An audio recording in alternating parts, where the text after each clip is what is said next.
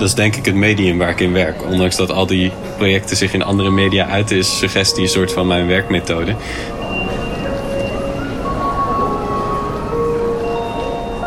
Lieve luisteraars, zometeen horen jullie weer een aflevering van, onze Ruis Kerizoom Special. Normaal wordt dit opgenomen in de tentoonstellingsruimte Ruis in Nijmegen. Maar vanwege de huidige maatregelen omtrent de coronacrisis zullen wij de podcast op afstand opnemen. De Ruis Kerizoom Special is een samenwerking tussen Ruis, een tentoonstellingsruimte voor hedendaagse kunst, waar het experiment centraal staat, En Rhizoom, een open en experimenteel platform, voornamelijk actief op Instagram. Beide instellingen werken op hun eigen manier samen met en voor jonge kunstenaars. En zijn daarnaast ook geïnteresseerd in ruimte bieden voor een goed gesprek over kunst. Tijdens deze podcastserie zullen wij, Melanie Maria en Dirk Muller van Rhizoom, elke expositie in Ruis de kunstenaars interviewen over zijn of haar kunstenaarschap, fascinaties en werkproces. Ik, Melanie Maria, ben een performancekunstenaar wie voornamelijk werkt in de publieke ruimte. Mijn werk gaat over het individu en het collectief. Ik vraag me als kunstenaar af hoe door fysicaliteit we als performer, kunstwerk en toeschouwer deel kunnen zijn van een groter geheel. Dirk Muller werkt voornamelijk als ruimtelijk kunstenaar. Hij maakt sculpturen met materialen uit het dagelijks leven en probeert de toeschouwer te misleiden met de gegevens die er al zijn. Beide zijn we in 2019 afgestudeerd van de opleiding Base for Experiment Art and Research, oftewel BARE, de voorheen Fine Art van de Artes Kunstacademie in Arnhem. Vandaag interviewen we Willem de Haan. In 2017 studeerde hij af van BARE Artes Arnhem. Hij studeerde af met een interactief werk. Dat bestond uit sculpturen die hij in de openbare ruimte had geplaatst. Als publiek kreeg je de mogelijkheid om van zijn scootertour gebruik te maken. En deze tour kwam langs de sculpturen en duurde maar vijf minuten. Met misschien wel dezelfde snelheid als de tour heeft zijn carrière een vlucht genomen. Sinds het afstuderen is Willem dan ook niet meer weg te denken uit de kunstwereld. Hij is vandaag de dag gevestigd in Rotterdam, maar ook werkzaam geweest in België, Rusland, Spanje, noem maar op. Maar dan toch is Plus 1 de tentoonstelling in Ruis de allereerste Europese solo-tentoonstelling van deze gevarieerde kunstenaar. Plus 1 is aan alles toe te voegen. En dat deed Willem dan ook naar aanloop van deze tentoonstelling. Geen reclamebord, muurstoel, mens of wat dan ook was veilig voor de stickers die Willem maakte ter aankondiging van de tentoonstelling. Plus 1 is dus de titel waarmee Willem de suggestie wekt alsof we iets missen. Gelukkig krijgen we nu de kans om het ook hem te vragen. Hey Hi, Willem, Willem. fijn dat je er bent. Goed dat je er bent, althans goed dat we dit weer eh, vi- via dit videogesprek kunnen doen. Ja, super fijn. Ehm, we hadden het al even inderdaad over die titel ehm, en over jouw tentoonstelling in Ruis. Zou Mhm. je ons ehm, mee kunnen nemen? We kunnen de tentoonstelling namelijk niet meer bezoeken vanwege Ja. het coronavirus. Ehm, zou je ons een visuele rondleiding kunnen geven door de tentoonstelling? Ja, eigenlijk de tentoonstelling. Ik denk misschien dat, dat luisteraars eh, de ruimte van Ruis wel eh, kennen. Het is een heel kleine ruimte. Ehm, en ehm, tijdens een van mijn eh, gesprekken met Fenne, de directeur van Ruis, kregen we eigenlijk het idee om er een soort overzichtstentoonstelling van te maken. Maar gebruikelijk een overzichtstentoonstelling is natuurlijk werk van eh gigantisch lange periode. Maar zo'n gigantisch lange periode ben ik helemaal niet bezig eigenlijk. En eh, we kregen toen eh, vooral het idee om dat zo recent mogelijk te maken. Dus een overzichtstentoonstelling met vooral werken van misschien wel de afgelopen maand. En dan ook een paar eerdere werken, misschien die, die al een jaartje bestonden, daar, daar tentoonstellen. Maar omdat die ruimte zo klein is, was het heel moeilijk om, of tenminste heel moeilijk, in ieder geval een uitdaging om daar veel te presenteren. En de oplossing die we daarvoor gevonden hebben, eh, is door een soort extra wand in die ruimte te maken. Maar daar halverwege mee te stoppen ook weer. Eh, dus gebruikelijk als je bijvoorbeeld op zolder, eh, veel mensen doen dat volgens mij op zolder, zo een, een tussenwand bouwen. Dat, dat je toch een kind meer hebt gekregen dan je verwacht had. En denkt, oh, we moeten nog een kamer erbij. Oké, komt een schot op zolder. Eh, dan wordt er zo met balken een eh, soort frame gebouwd. Wat dan vervolgens met gipsplaten wordt dichtge gedekt, zeg maar. Ehm, en dat eh, houten frame, dat staat nu door die gehele ruimte van Ruis. Ongeveer 15 centimeter van de muur af. Uh, waardoor je een soort dubbele muur hebt. Dus je ziet dat frame en daar kun je natuurlijk dingen op, uh, op presenteren. Dat loopt ook voor de voorruiten langs bijvoorbeeld. En uh, daarachter zit dan op het meeste gedeelte zit daar gewoon de witte muur van de tentoonstellingsruimte. wat dan ook weer presentatieruimte is. dus op die manier kun je dingen heel dicht bij elkaar hangen. Of je kunt zelfs iets over, ja, laten overlappen met hetgene wat daarachter hangt of daarachter staat. Um, en ik denk dat dat ook wel de ja, visueel uh, als, als bezoeker het eerste is wat, uh, ja, wat opvalt. Is dat die ruimte eigenlijk gewoon uh, compleet verdubbeld is. Ja, je, je, je hebt dus inderdaad letterlijk een frame houten werk gebouwd ter grootte van Ruis. Mm -hmm. En dat is eigenlijk ook het enige sculptuur wat je hebt staan in de ruimte, toch? Er staan ook twee linealen die ik eerder heb gemaakt. Dat zijn ook wel sculpturen. Ja, het is lastig om te zeggen. Sommige dingen zitten er een beetje tussenin. Ik heb drie uh, spijkerbroeken van verschillende maten aan elkaar uh, genaaid. Uh, die, die lijnen dan allemaal bij het kruisen aan. En eigenlijk de kleinste spijkerbroek, daar komt steeds een grotere weer achter vandaan. Um, en die spijkerbroek is denk ik misschien ook wel een sculptuur. Ik weet niet zo goed. ja, of, of gewoon een spijkerbroek, als dat een los medium kan zijn. Ja, want je creëert eigenlijk dus een dubbele wand. Je hebt de, de normale wand die altijd in ruis aanwezig is. Mm -hmm. En dan die wand die zorgt dat de, dat de ruimte kleiner wordt. Um, zit daar ook een gradatie in uh, welk werk voor mag hangen en welk werk achter mag hangen? Eigenlijk niet, denk ik. Tenminste, het is niet... Dat is uh, intuïtie. Ja, en, en sommige werken worden er ook juist uh, interessanter van. Juist doordat ze een beetje achter die structuur hangen. Er zit om de... Volgens mij zijn het zijn allemaal verticale balken uh, die als een soort van, uh, nou ja, een soort van grote tralies, zeg maar, zo'n raamwerk door die hele, hele ruimte heen loopt. Um, en daar zitten gaten van 38 centimeter tussen elke keer. Uh, en sommige werken zijn een stuk groter of die hangen half achter zo'n balk. waardoor je er ook als bezoeker meer nieuwsgierig naar wordt en juist eventjes om het hoekje gaat kijken. Terwijl als iets recht in je gezicht gepresenteerd wordt, dan kan het ook uh, saai worden als bezoeker natuurlijk. Dan hoef je geen moeite te doen om, om uh, naar dat werk te gaan kijken. En ik denk dat die extra moeite voor, voor het kijken naar zo'n werk, dat dat ook uh, misschien wel meer waarde geeft. Dus dat het werk wat achterhangt niet per se is weggemoffeld of zo. En je, vertelde al even dat dit een aanzet is. Het is nog niet helemaal af. Het framewerk staat er. Er zouden gipsen platen op kunnen gemaakt worden. maar dat heb je niet gedaan. Wat is het vervolg van het werk? Of is het hiermee ook af? Nee, er komen sowieso denk ik geen gipsen platen op. Uh, al weet je nooit hoe het gaat lopen met een tentoonstelling. Tenminste, Ruis is nu vanwege het virus natuurlijk gesloten. Maar tijdens de openingstijden kan daar van alles gebeuren. En uh, kan er ook een situatie ontstaan waarin ineens blijkt dat er toch gipsen platen op moeten komen. We hebben eigenlijk al dat hout, tenminste is heel veel hout. Toen we dat aan het bestellen waren, ik, ik was tegelijkertijd, uh, ben ik ook samen met Ruis bezig met een uh, sculptuur voor het Hertogpark. Dus een klein uh, rotonde-achtig parkje aan het einde van de straat. En daarvoor hadden we ook heel veel hout nodig. En dat was bijna dezelfde bestelling hout die voor in die ruimte nodig was als voor de sculptuur die op dat parkje komt. Um, we zijn nu bezig met de vergunningsaanvraag daarvoor. En uh, we hopen dat die vergunning uh, binnenkomt uh, tijdens de tentoonstelling nog. Um, en op het moment dat, dat ik daar kan gaan bouwen, kan ik een aantal balken waar niks aan hangt of waar, niks, waar, waar niet die hele constructie op steunt. Ik denk dat ongeveer de helft van die balken dat die eigenlijk nu daar puur voor de sier aanwezig is, zeg maar. die kan ik daar dan weghalen en dan daarmee gaan opbouwen op het veldje. Dus uh, ook voor voorbijgangers die uh, nou ja, kunnen in de straat een beetje bijhouden hoe het uh, met de sculptuur, de publieke sculptuur op het Hertogplein gaat. Als je daar, ja, als je dus balken ziet verdwijnen, dat, dat is een goed teken. Maar in die balken zitten ook tekeningen verwerkt? Ja, die tekeningen zijn, zijn gewoon op A4 en dan opgerold. En, en zijn ja, een soort gaten in die balken geboord waar die tekeningen dan ingepropt zitten. Of ja, ingepropt iets netter dan dat. Of tenminste ingepropt. Ik was toevallig uh, drie weken voor de opening bij Ruis nog uh, in Jeruzalem bij de Klaagmuur. En uh, die, daar wordt heel veel papier ingestopt, maar dat wordt niet eruit gehaald en weer gelezen.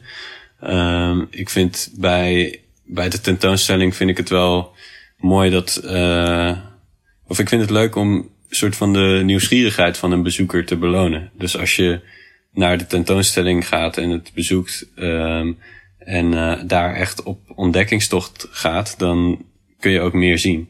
Ten eerste is dan uh, achter die dat, dat, houten frame kijken. Dat is een eerste stap die vrij makkelijk is. En dan vervolgens die, die propjes of die rolletjes papier uit dat frame pulken. Dat, dat is dan de volgende stap. Um, en dan krijg je een leuke tekening te zien. Of tenminste, ik vind ze zelf allemaal heel leuk. Er zijn er zes verspreid door de tentoonstelling. En ik weet niet, sommige zijn misschien meer zoeken dan andere. Dus is dat ook echt wat je wil van de toeschouwer? Dat hij op zoek gaat naar die tekeningen? Nee, ik denk niet dat ik het verwacht of, of per se wil van de toeschouwer. Maar het is meer als die toeschouwer daar zelf zin in heeft of zo. Dat, ik probeer altijd voor, voor zo'n tentoonstelling of voor tentoonstellingen binnen, probeer ik altijd wel een soort van Easter eggs erin te verstoppen. Dat als je als toeschouwer extra je best wil doen, uh, dat er ook dingen te vinden zijn of extra dingen te vinden zijn. En dat als je daar twee uur binnen blijft, dat je dan ineens alsnog iets nieuws opmerkt of zo. Um, en als je daar vijf minuten binnen bent, dan krijg je alsnog heel veel goede, leuke dingen te zien, denk ik. Maar dan zijn er misschien een paar andere kleine details die je dan net uh, over het hoofd ziet nog. En zie je dat dan, is dat dan uh, dat plus één? Die Easter eggs? Ja, die plus één, die titel, die is op heel veel manieren eigenlijk. Uh, of ja, je, zou op heel veel manieren daar een link mee kunnen maken. Ik heb hem zelf eigenlijk voorgesteld uh, bij Ruis. Omdat ik in, zo'n overzichtstentoonstelling. Ik, ik heb nooit eerder. Um, of ik presenteer eigenlijk mijn werk heel weinig in, in een Whitecube uh, omgeving. En uh, dit keer was ook de, de eerste keus voor, of ja, voor de eerste keer de keus voor mij om heel veel verschillende soorten werk samen te laten zien. Ja, ik weet niet, vrij logisch bij een overzicht natuurlijk, maar dat was gewoon een overzicht wat ik zelf nog nooit had gehad. En omdat ik in zoveel verschillende media werk, kwam ik er eigenlijk bij Ruis achter dat het gedeelde tussen al die verschillende projecten, of dat nou een uh, fotografieproject is of een sculptuur in de publieke ruimte wat er nog gaat komen, uh, of uh, een collage of een tekening, dat eigenlijk het, meest, ja, het meest voorkomende daarin, wat ze gemeen hebben, de, ja, is, is suggestie als een soort werkmethode dat is denk ik het medium waar ik in werk. Ondanks dat al die projecten zich in andere media uiten, is suggestie een soort van mijn werkmethode. En probeer ik met het werk een suggestie van iets anders te wekken. Uh, dus bijvoorbeeld, er hangt, uh, ik ga er even een werk voor omschrijven, dat is makkelijker. Er hangt een hele grote foto in de tentoonstelling waar uh, het strand op te zien is. je ziet de zee aan één kant, je ziet wat van die strand, zo'n zo'n boulevard bebouwing. En onderin de afbeelding een grote schaduw uh, van een auto met zo'n met zo'n soort van statief erop en een camera. Zo'n, ja, eigenlijk een Google Maps auto. Of tenminste, ik herken die schaduw zelf als, of ja, ik denk zelf dat het een van de bekendste schaduwen van het internet is misschien. Dat als je op Street View rondklikt, uh, je ineens uh, op een zonnig moment door hebt van, oh ja, ik zit in, ik ben, ik ben op Street View als zo'n autootje met een camera op het dak. Want je ziet die schaduw ineens van die auto op de weg of op een object of wat dan ook. Maar die auto die kan, uh, als je dat programma gebruikt, die auto kan niet overal komen. Dus je zit ook op een soort van limiet in Google Street View dat je rond aan het klikken bent en niet even een veldje op kan lopen of niet even achter een uh, bordje of achter een struik kan gaan kijken of uh, uh, ja, je kunt gewoon niet van de weg af. Ik vond die schaduw wel heel mooi en eigenlijk ben ik zelf, ik heb, ik heb een foto gemaakt van zo'n Google Street View auto um, en vervolgens van MDF op ware grootte, dus volgens mij is die 3,5 meter of zo, die vorm uitgezaagd. En die vervolgens meegenomen naar een heel aantal plekken waar die auto niet kan komen. En zo ook die foto op het strand die bij Ruis te zien is. Waar, waar in het ja, soort van de suggestie wordt gewekt dat die auto daar daadwerkelijk over het strand aan het rijden is. En eigenlijk dat kunstwerk is dan of ja, het is een fotografieproject, denk ik. Het is een fotoserie waar uiteindelijk zes, zes foto's te zien zijn. Waar die auto op allemaal op een dak en uh, op een steiger en op uh, een skateparkje en midden op de stip van een voetbalveld te zien is. Maar uiteindelijk is, is het soort van het medium waarin het op de bezoeker wordt gecommuniceerd, is de suggestie van van die auto op die plek. Dus een soort van immaterieel resultaat misschien. En ik denk dus dat suggestie zo op die manier werken van een klein, een klein detail laten zien aan de bezoeker of aan de toeschouwer. Waarbij de toeschouwer zelf een soort groter scenario kan inbeelden. Ik denk dat dat iets typisch is uh, aan de manier waarop ik nu werk. En die kleine toevoeging, wat dan zo een toevoeging van een schaduw is aan een bepaalde situatie, dat is eigenlijk de plus 1. Dat is de, de extra en de extra waar ik mee werk. Maar plus 1, het is een plus aan iets natuurlijk. Er zit altijd iets voor, een soort basis. En die basis, dat is het ding wat je dan als bezoeker zelf, zelf inbeeldt. En daar komt die titel eigenlijk vandaan. Ik hoop dat dit een beetje helder klonk allemaal. Ja, zeker. Ja, zeker. Oké. Maar ja, uiteindelijk, het is natuurlijk voor een tentoonstelling. Het is ook nog een tentoonstelling. Er, er waren ook al, ik heb eerder een tentoonstelling gemaakt en nu nog één. Dus dat is plus één op een soort van uh, ja, ik weet niet, daarin uh, optellend. Ook voor Ruis is natuurlijk nog een tentoonstelling in hun, uh, in hun reeks tentoonstellingen. Mensen begonnen ook berichtjes te sturen of er gastenlijst was, bijvoorbeeld. Het heeft natuurlijk een soort gastenlijst associatie van, van een gastenlijstplekje. Ik dacht zelfs nog op een gegeven moment aan verdiepingen van een gebouw of juist parkeergarages waarin je tegenovergesteld altijd zo min 1, min 2, hoe dieper je gaat of zo. Er zijn vast ook parkeergarages die, die omhoog gaan. Um, dus uh, ik weet niet, het roept heel veel uh, verschillende associaties op, ook bij mezelf. En, en dat vind ik ook wel leuk aan. Ik dacht ook nog even aan dingen die voor jou logisch zijn of, of uh, alledaags. Dacht ik aan de, de bosbloemen die we zien liggen in, in de tentoonstelling. Eigenlijk sculptuur. sculptuur. Ja, dat dacht ik net aan. Ja, ja, dat klopt. Als we aan het tellen zijn. Ja, dan weer plus één. ja. uh, maar ik moest eraan denken dat um, uh, in die bosbloemen, in die uh, kunstbosbloemen, zeg maar, daar zit een, een honkbalknuppel in verwerkt. Ik ben heel benieuwd mm -hmm. hoe zo'n zo'n werk ontstaat ik weet bij dit werk niet meer precies eigenlijk hoe dat is ontstaan. Ik weet dat het al heel lang een, een werk is of een soort sculptuur wat ik in gedachten had en nooit echt de, de plek of de juiste presentatiemoment daarvoor tegengekomen was nog. Dus misschien een idee wat dan zo al twee of drie jaar zo rond hangt in je hoofd en dat ineens door de tentoonstelling nu bij Ruis dat het ineens soort van het juiste moment leek om, uh, om dat uit te voeren.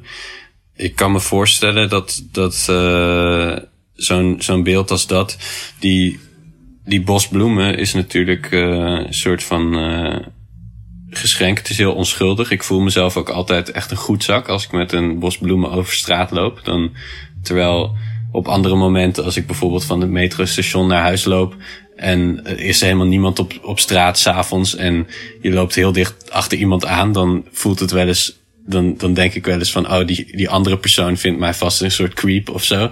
Dat ik zo dicht achter die andere persoon aanloop en dan precies dezelfde route per ongeluk neem of zo. Dan denk ik wel eens, oh, nu kom ik misschien wel verdacht over. Met, met een bos bloemen vast voelt dat precies tegenovergesteld. Dat je denkt van, oh, nu vindt iedereen mij vast een hele aardige jongen of zo. Eh, of zo denk ik dan zelf over te komen. Um, en door die honkbalknuppel daarin, die dan een soort van net uitsteekt, maar toch in het midden van die bos zit, dus ook een beetje bedekt is, krijgt zo'n bos bloemen ineens een heel agressieve, ja, soort agressieve uiterlijk of zo. En ik denk dat het daar, uh, ik weet niet meer precies hoe, hoe dat dus uh, ontstaan is, dat idee, maar ik denk dat, dat die tegenstelling dat dat idee van oké, je kunt dus met een bos bloemen over straat lopen, maar ook gewoon daarmee iets keihard kapot slaan. Dat dat het aantrekkelijke was uh, daarin. En um, toen moest ik ook denken, toen ik dacht, oh, dat lijkt een beetje op een cartoon. En jij vertelde over dat je dat werk ooit hebt bedacht, een aantal jaren geleden, en dat dat nooit uh, ontstaan is, of dat dat nooit fysiek is geworden. Hou je dat gewoon in je achterhoofd, of uh, je maakt veel tekeningen, heb je dan een tekening uh, liggen, hoe dat eruit moet komen te zien? Deze, deze heb ik nooit getekend. Dit is echt iets wat dan zo nu en dan, ik denk, als het dan drie jaar in je hoofd zit, dat hij misschien zo eens in de twee maanden weer heel even op komt borrelen of zo. En dat op, op het moment dat je denkt van, ah ja, nee, is er nog steeds niet momenten voor, dat, dat je dan dat idee ook meteen weer daarna kwijt bent of zo. Ja, dat gebeurt wel veel. En ik zou er nu, ik denk dat ik nu bijvoorbeeld wel zo twintig van die dingen heb die ik al, waar ik dan regelmatig aan denk. En dan de hele tijd niet soort van de juiste momenten voor is. Um, ja. Maar ik zou die nu ook niet kunnen opnoemen. Die, die komen dan pas weer naar boven als er iets is wat dan weer die aanleiding veroorzaakt. En uh, dat kan met die bloemen zo zijn dat elke keer als ik een bosje bloemen kocht zelf, dat ik dan weer aan dat werk dacht bijvoorbeeld. En die tekeningetjes, uh, of ja, ik maak, ik maak heel veel tekeningetjes gewoon eigenlijk uh, een soort hobby-achtig, gewoon in de trein of ja, ik weet niet, op, op momenten dat daar tijd voor is, zeg maar. En zijn dat aanzetten tot grotere werken? Um, sommige wel, denk ik. Al moet ik zeggen dat ik vrij slecht ben in het terugkijken ervan ook. Um, ah, ja. Dus het is niet dat ik dan, dat als ik voor een project word gevraagd, eerst die stapel erbij pak en denk van, oh, ik heb nog allemaal schetsen of zo. Uh, dat werkt eigenlijk op dezelfde manier dat soms iets, iets in zo'n tekeningetje ineens weer in je opkomt en, en dat ook op een andere manier uitgevoerd kan worden er zijn wel een aantal tekeningetjes bij. Uh, ik denk dat daar ook eentje bij Ruis uh, nu tentoongesteld wordt. Uh, dat is een tekeningetje van een, een bergje met een besneeuwde top. En naast die berg, of, of halverwege die berg, staat een paal, zeg maar, naast die berg die recht omhoog steekt. Die even hoog is als die berg. En die, die paal die is volgens mij ik weet niet wat erbij staat. Of die duizend meter hoog is of zo. Volgens mij is het een duizend meter hoge paal die naast die berg staat. En tussen die top van die paal en die top van die berg is dan een uh, slinger met vlaggetjes uh, gespannen. En uh, dat is eigenlijk een schetsbeeld voor de tienduizendste verjaardag van de Mont Blanc. Ik heb laatst, of daar kwam ik toevallig op, op Wikipedia achter dat de Mont Blanc ongeveer 10.000 jaar geleden ontstaan is door ik weet niet meer precies waardoor dat ontstaan is. Door verschuivingen of gletsjer dingen of... Uh, nou ja, geloof je niet. Neem het niet van me aan, maar zoek het zelf op, op het internet, zou ik zeggen. uh, maar hij, hij zou dus ongeveer 10.000 jaar oud zijn. Ik dacht het is goed om dat binnenkort misschien gewoon vast te stellen. Van oké, dit is de tienduizendste verjaardag van die berg. En dan dus die paal ernaast zetten met die vlaggetjes zo daartussen. Dan gebruik je ook een hele sterke eigenschap van die berg natuurlijk. Dat het een soort hoge top is. En nee, die kan daar goed voor worden ingezet. Dat, dat, eigenlijk is dat een idee wat waarschijnlijk voor altijd een tekeningetje gaat blijven. Maar waarbij ik het eigenlijk ook wel weer heel zonde vind dat dat voor altijd een tekeningetje blijft. Want ik weet niet of het misschien mijn beste idee ooit is. dat uh, lijkt me in ieder geval van alle dingen waar ik nu aan kan denken, lijkt dat me het vetste om, om uit te voeren, zeg maar. Als ik morgen iets kan gaan maken, dan denk ik van ja, dat zou ik willen gaan doen. Uh, maar ja, sommige tekeningen zijn, zitten een soort van onmogelijkheid in of zo. Je vertelt de hele tijd een heel mooi verhaal uh, bij al die werken. En ik heb ook het gevoel dat ik de hele tijd verdrink in die verhalen en helemaal meega aan die gedachtegang van jou. Um, is dat ook het meest ideale hoe een kijker naar jouw werk zou kunnen kijken voor jou? Met, met jouw gedachtegang? Of, mm. of uh, is die kijker helemaal vrij in zijn interpretatie? Die kijker is wel vrij, maar ik denk dat dat bij die tentoonstelling bij Ruis misschien ook wel extra sterk is. Omdat daar bewust dus een heel hoop verschillende soorten projecten te zien zijn. Voor mijzelf, maar ik ben ik ken die projecten natuurlijk, maar voor mijzelf geeft dat soort overzicht tussen zoveel verschillende projecten ook wel veel inzicht in hoe, hoe die ene persoon die daar dan achter zit, zeg maar, of zo, hoe die bepaalde keuzes maakt. En um, dus ik denk dat dat wel iets is wat, wat bij die tentoonstelling uh, bij Ruis een beetje hoort op de een of andere manier. Dat dat, dat toch een soort van uh, werken zijn die, die een soort van algemene mindset aan de bezoeker meegeven of zo. Waardoor als je de helft hebt gezien, die andere helft een soort van helderder te begrijpen wordt of zo. Ja, het, zijn, het is zeker niet, uh, of tenminste zeker niet verplicht. En ik vind het heel leuk. Ik zie wel eens uh, zo stukjes die, die andere mensen over uh, een werkje hebben geschreven. Die, die ik nooit gesproken heb of zo. Of ik verkoop soms uh, collages met de We Like Art. En uh, er was iemand die had daar iets, iets gekocht en daar op een blog over geschreven. Van nieuwe aanwinst. En dus dit werk van Willem Haan. En een hele goede tekst daarover. Maar de, de helft van die dingen die erover geschreven werd, had ik zelf niet heel bewust over nagedacht. Of nooit uitgesproken in ieder geval. Dat was, waren dan wel dingen waar je dan misschien onbewust rekening mee houdt in het samenstellen van zo'n beeld. Maar die had veel ja, soort van dat beeld veel duidelijker verwoord dan dat ik dat zelf ooit had gedaan. Um, en dat, dat zijn toch ook wel leuke, leuke momenten. Dat daar misschien meer in gezien wordt dan wat je zelf verwacht of zo. Door een, door een toeschouwer. Ja, super interessant ook. Ja. Echt super interessant. Ik merk dat zelf ook, zeg maar, als kunstenaar helemaal, denk ik ook we hebben alle drie ook op dezelfde academie gezeten. We zijn uh, continu mm -hmm. volgegooid met heel veel over je werk praten, noem maar op. Maar ook ja, hoe lastig het soms ook is om dan maar te beschrijven wat je hebt gemaakt of wat je wil gaan maken. Uh, ja, dus dat is, ik vind het cool om te horen hoe jij dat dan nu zo ervaart. Wanneer dus weer iemand, een toeschouwer, dus weer kijkt. Of het koopt zelfs, weet je wel. Die daar dan dus weer dingen over gaat schrijven. En ja, ik vind het soms ook heel fascinerend wanneer bijvoorbeeld toeschouwers naar mijn performances komen. En dan later naar me toe komen. Oh, ik voelde echt dit en ik merkte echt dit. En voor mij was het zus en zo. En dan denk ik, oh, wow, nice. ja, dat is inderdaad waar ik over nadacht. Mm. Ja, en ik denk ook dat er niet zo één doel is per se of zo. Dat uh, ook met een, met een performance werk bijvoorbeeld, dat je zelf heel duidelijk een, een doel hebt daarin. Van oké, dit is een soort boodschap die ik wil meegeven. Of dit is een interessant moment wat de toeschouwers hopelijk gaan opvallen. Um, maar dat als een bezoeker daar iets heel anders in ziet. Dat je dan wel, of iets heel anders, of misschien een extra element wat je niet daar bewust in had ge, geplaatst. Kan wel een element zijn die de performance heel erg ten goede komt, zeg maar. En waarvan je dan later denkt van oké, okay, ik wil eigenlijk dat dat element die die ene bezoeker door had, dat je wel weet van, oh, dat is dan waarschijnlijk daar en daardoor ontstaan. Dat wil ik er wel inhouden en dat kan dan alsnog een soort belangrijk onderdeel ervan worden of zo. Ja, en zo groeit je werk natuurlijk ook weer.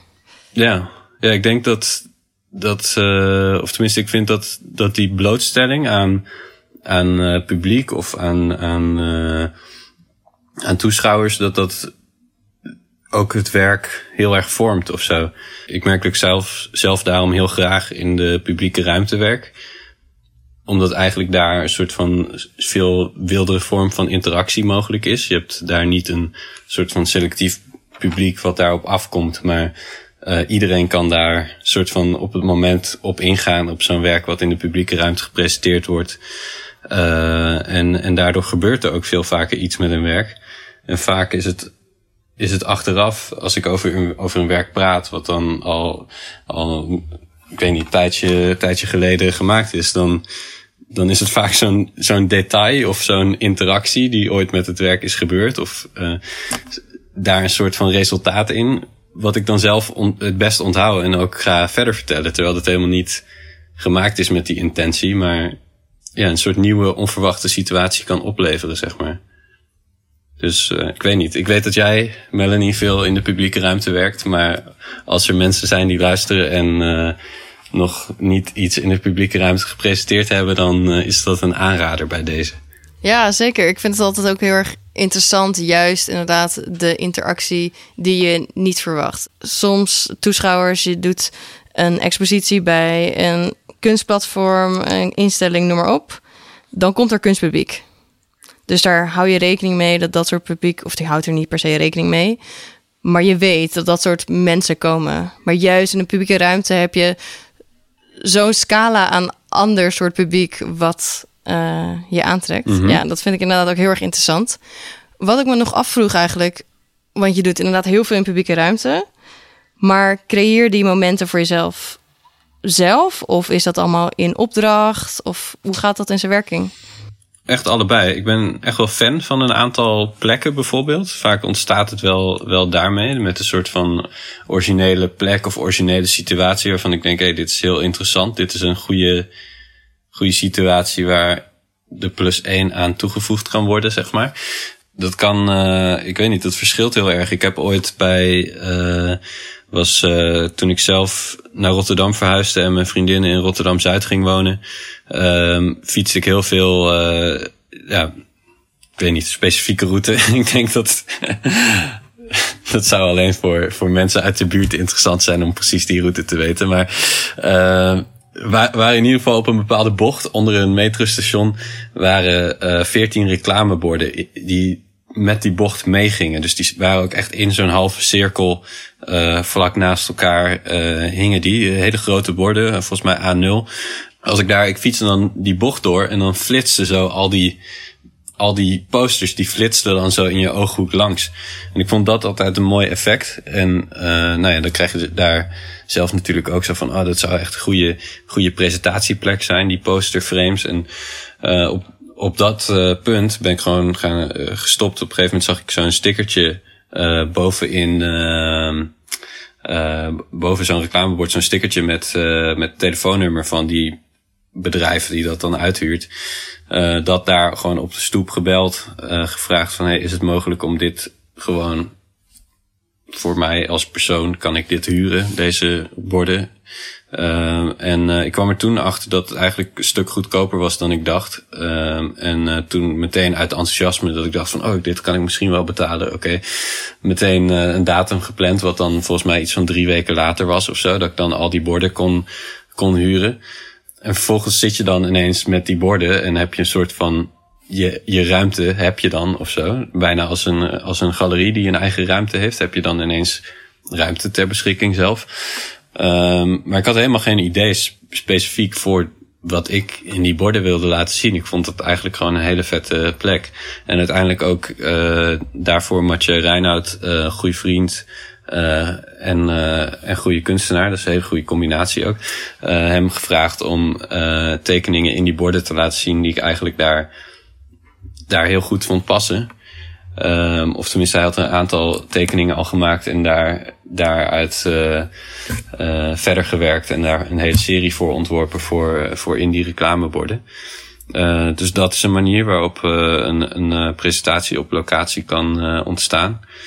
Ik ben ook heel erg fan van de dikste boom van Europa. Die staat vlakbij Groningen in Duitsland, zeg maar, net over de grens. Dat is eigenlijk een locatie daar daar gaat niemand mij voor bellen om. Uh, ik word niet toevallig volgende week opgebeld van hey Willem.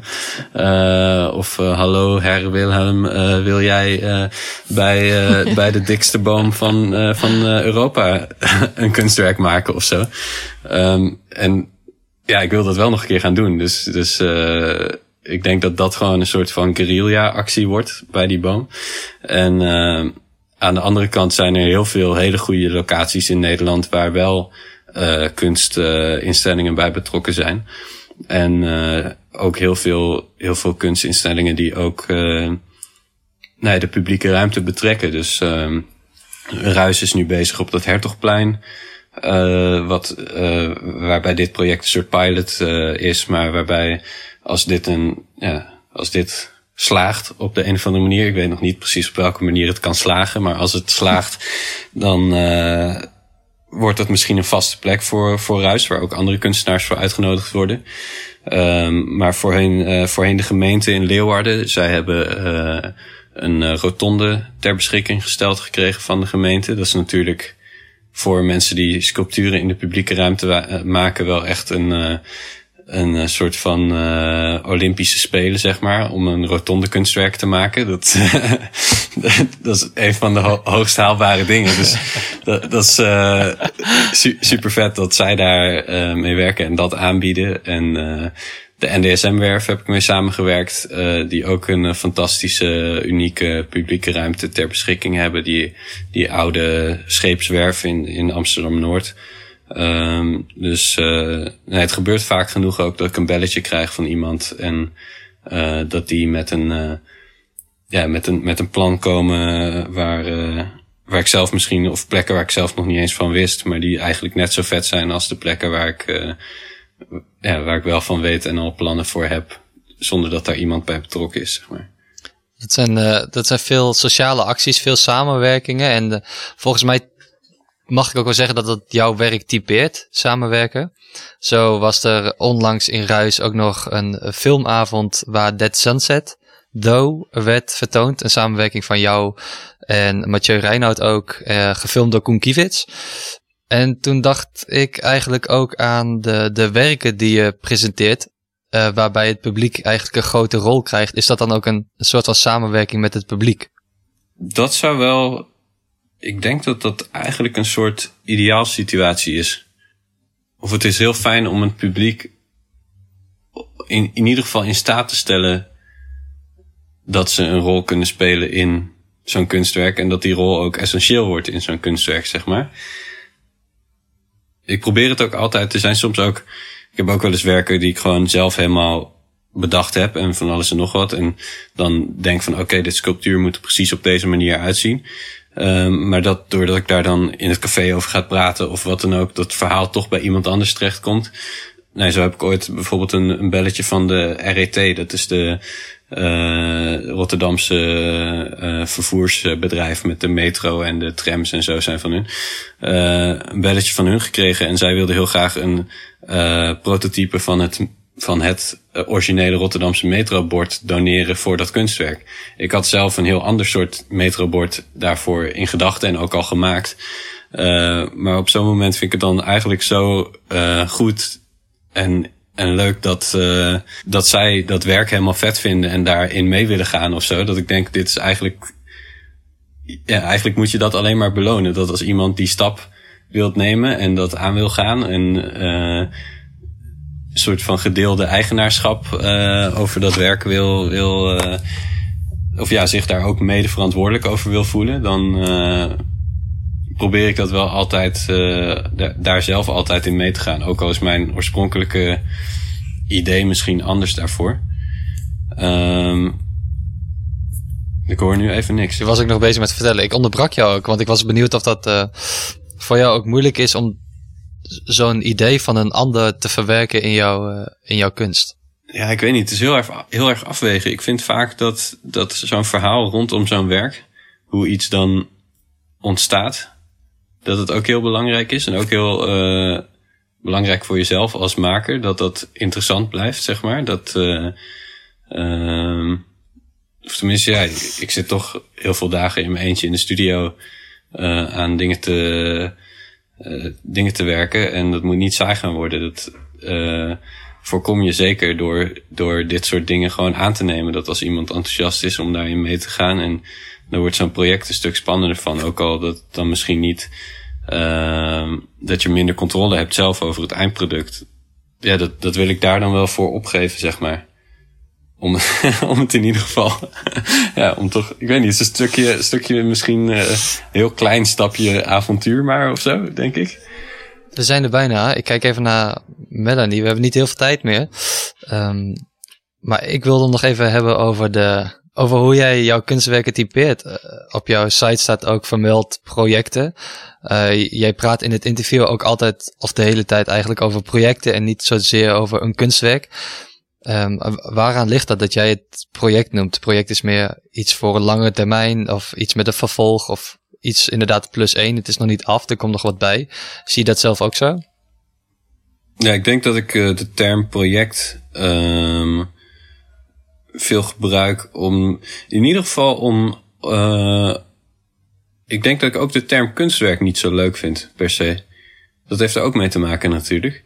Um, maar, of tenminste, ik probeer heel vaak uh, het woord kunst uh, te vermijden.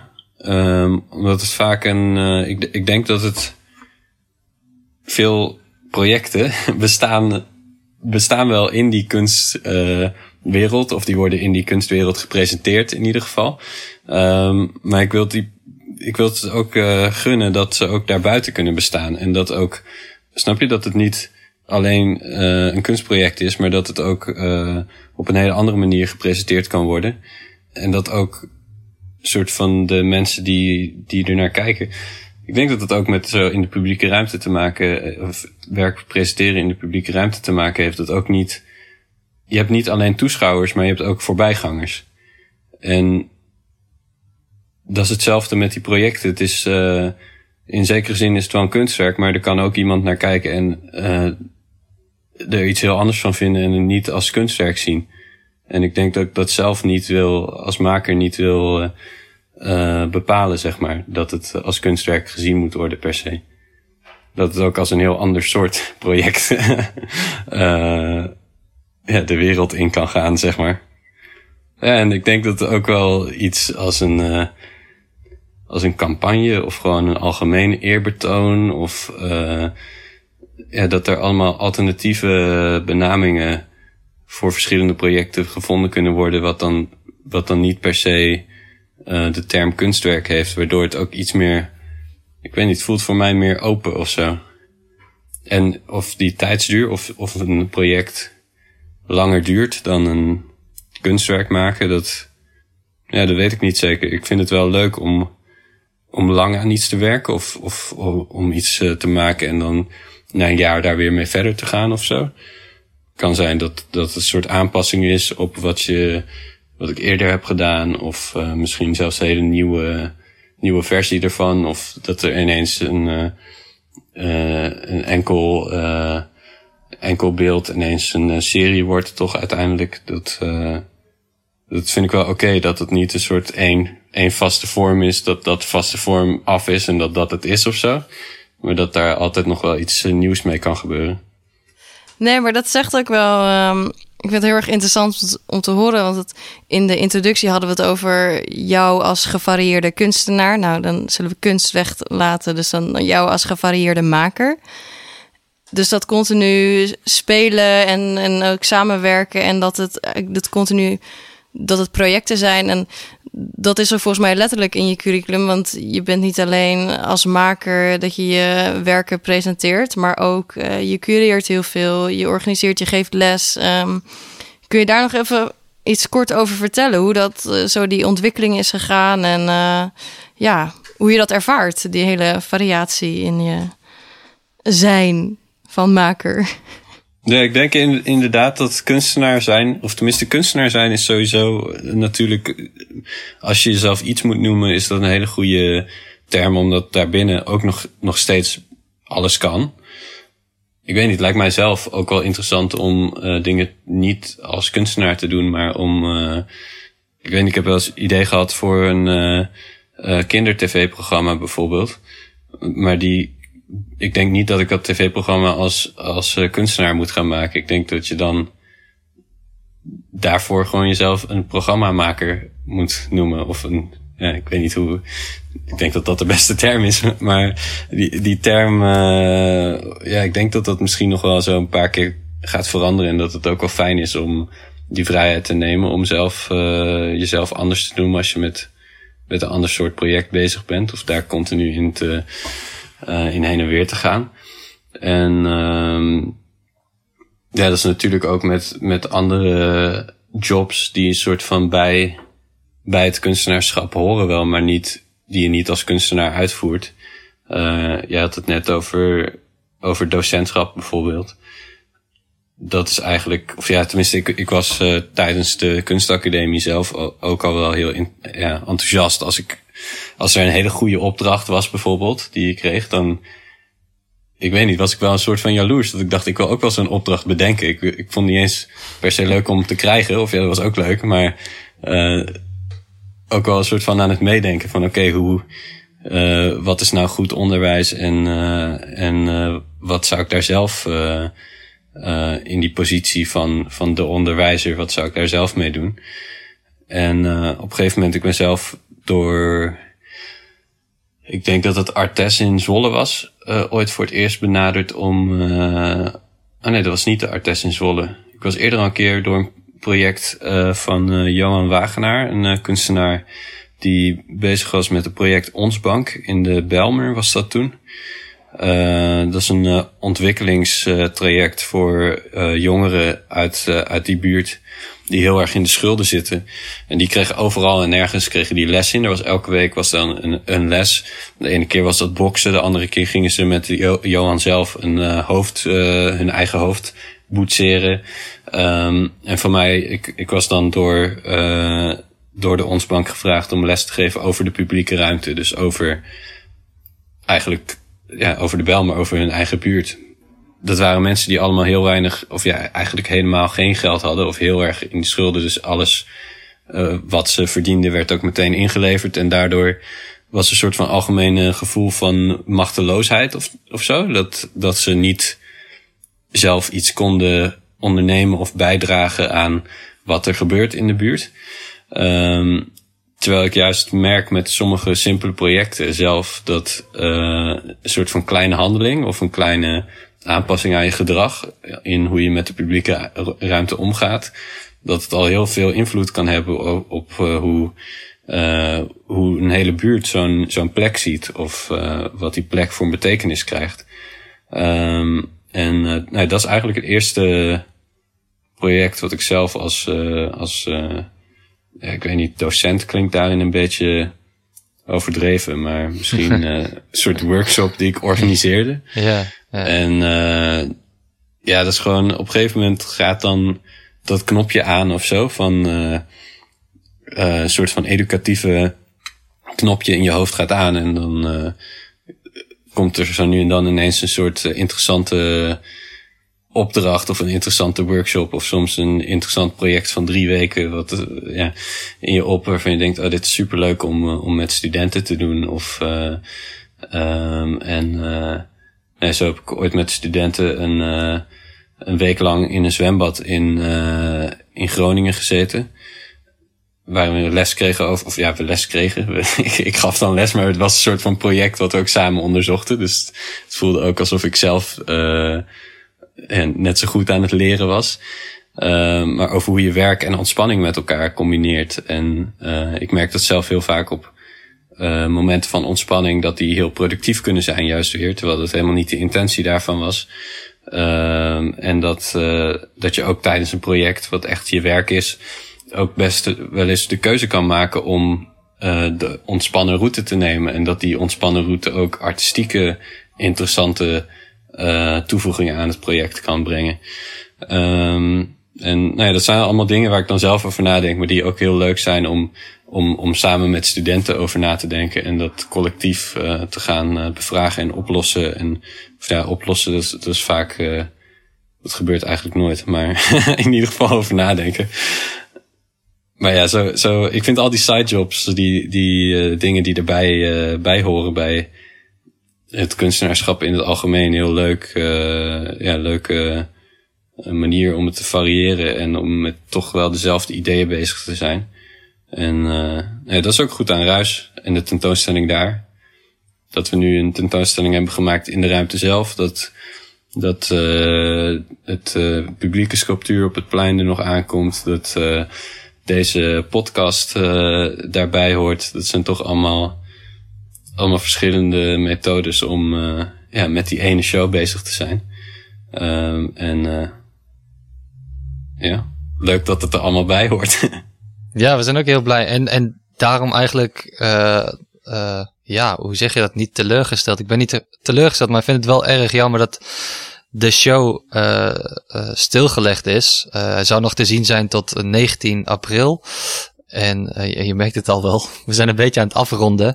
Uh, veel inspirerende dingen gehoord, Willem. Waarvoor dank. Jullie ook bedankt. Vanuit mezelf zou ik graag willen zeggen, uh, ik hoop dat nog vaak plus één komt.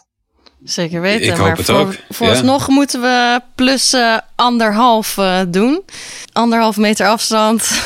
Mhm. Oh ja, die moest Goed, even verwerkt goed om worden. het toch nog eventjes uh, te benoemen. Ja. En uh, worden, jullie, uh, worden jullie ook zelf een keer geïnterviewd? Zou, je dat, uh, zou je dat willen? Ja, ik wil wel eigenlijk meer weten, ook over het platform bijvoorbeeld. Ik weet niet of er tijd is voor nog een vraag van mij aan jullie bijvoorbeeld. Laten we dat bij deze instellen, dat dat mag. dat dat Ja. kan. Ja. De- We en het als je dat dan uit. erin houdt, zo, dat iedere gast eh, ook een keer een vraag terugstelt, dan heb je uiteindelijk na misschien 30 podcasts gewoon een compleet full-length interview met, eh, met jullie ook. Oh, die, dat is echt supergoed bedacht. Dit is ook weer een project, hè? Dat, eh, wat we nu aangaan. Dat is wel, eh, ja, dus er gaat wat tijd overheen, dus je kunt het een project noemen als, als dat de, de, maatstaf is. Ik denk dat het goed is, misschien gaan we gewoon met een cliché vraag beginnen. Eh, hoe lang zijn, wacht, ik heb twee vragen. Eén heel kort. Hoe lang zijn jullie nu bezig met deze podcast? Een jaar misschien? Of? Eh, we zijn ehm, vorig jaar na de zomer begonnen. Dus in sep- eind september, denk ik, begonnen. Eh, we hebben tien normale series gemaakt met Rhizoom. En, ehm, en we zijn nu, jij bent de tweede eh, special. De tweede ruis keer Rhizoom special. Vet. Ja. Of tenminste, ja, die special, dat, dat, ik voel het wel.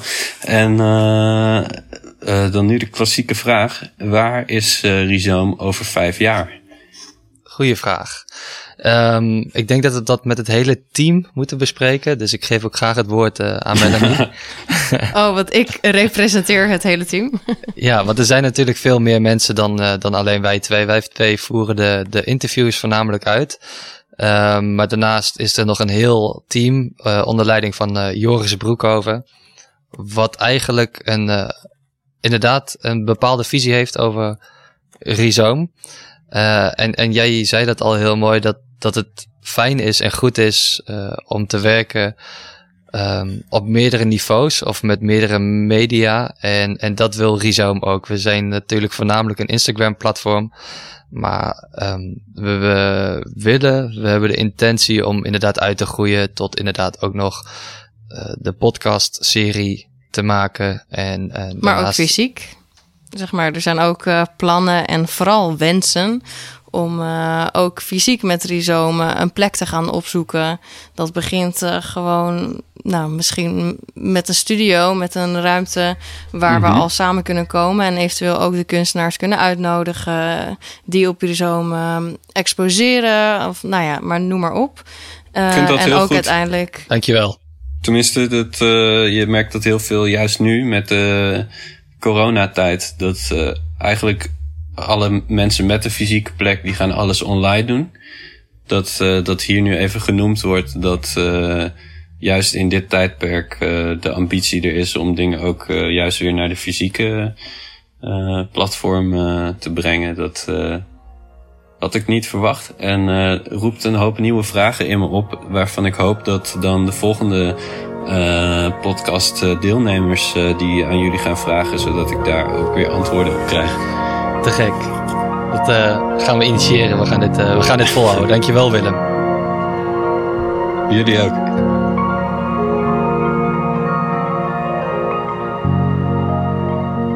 Je luisterde naar de tweede Ruiskeer Rhizoom podcast. Deze podcast is een samenwerking tussen tentoonstellingsruimte Ruis in Nijmegen en het kunstplatform Rhizoom. Aan deze podcast werkte mee Fenne Saat, artistiek leider van Ruis, Jasper Tork, stagiair bij Ruis, Joris Broekhoven, artistiek leider van Rhizoom. Het interview werd gedaan door Melanie Maria en Dirk Muller. Het sounddesign door Tim Visser. En de intro en outro muziek is door R. Benny. Onze speciale dank gaat naar kunstenaar Willem de Haan. Zijn tentoonstelling in Ruis is helaas gesloten vanwege de coronacrisis. Houd daarom Facebook en Instagram in de gaten voor meer informatie. Wil je meer informatie over Ruis of Rhizoom? Kijk dan op www.ruisnijmegen.nl en op www.rhizoom.art.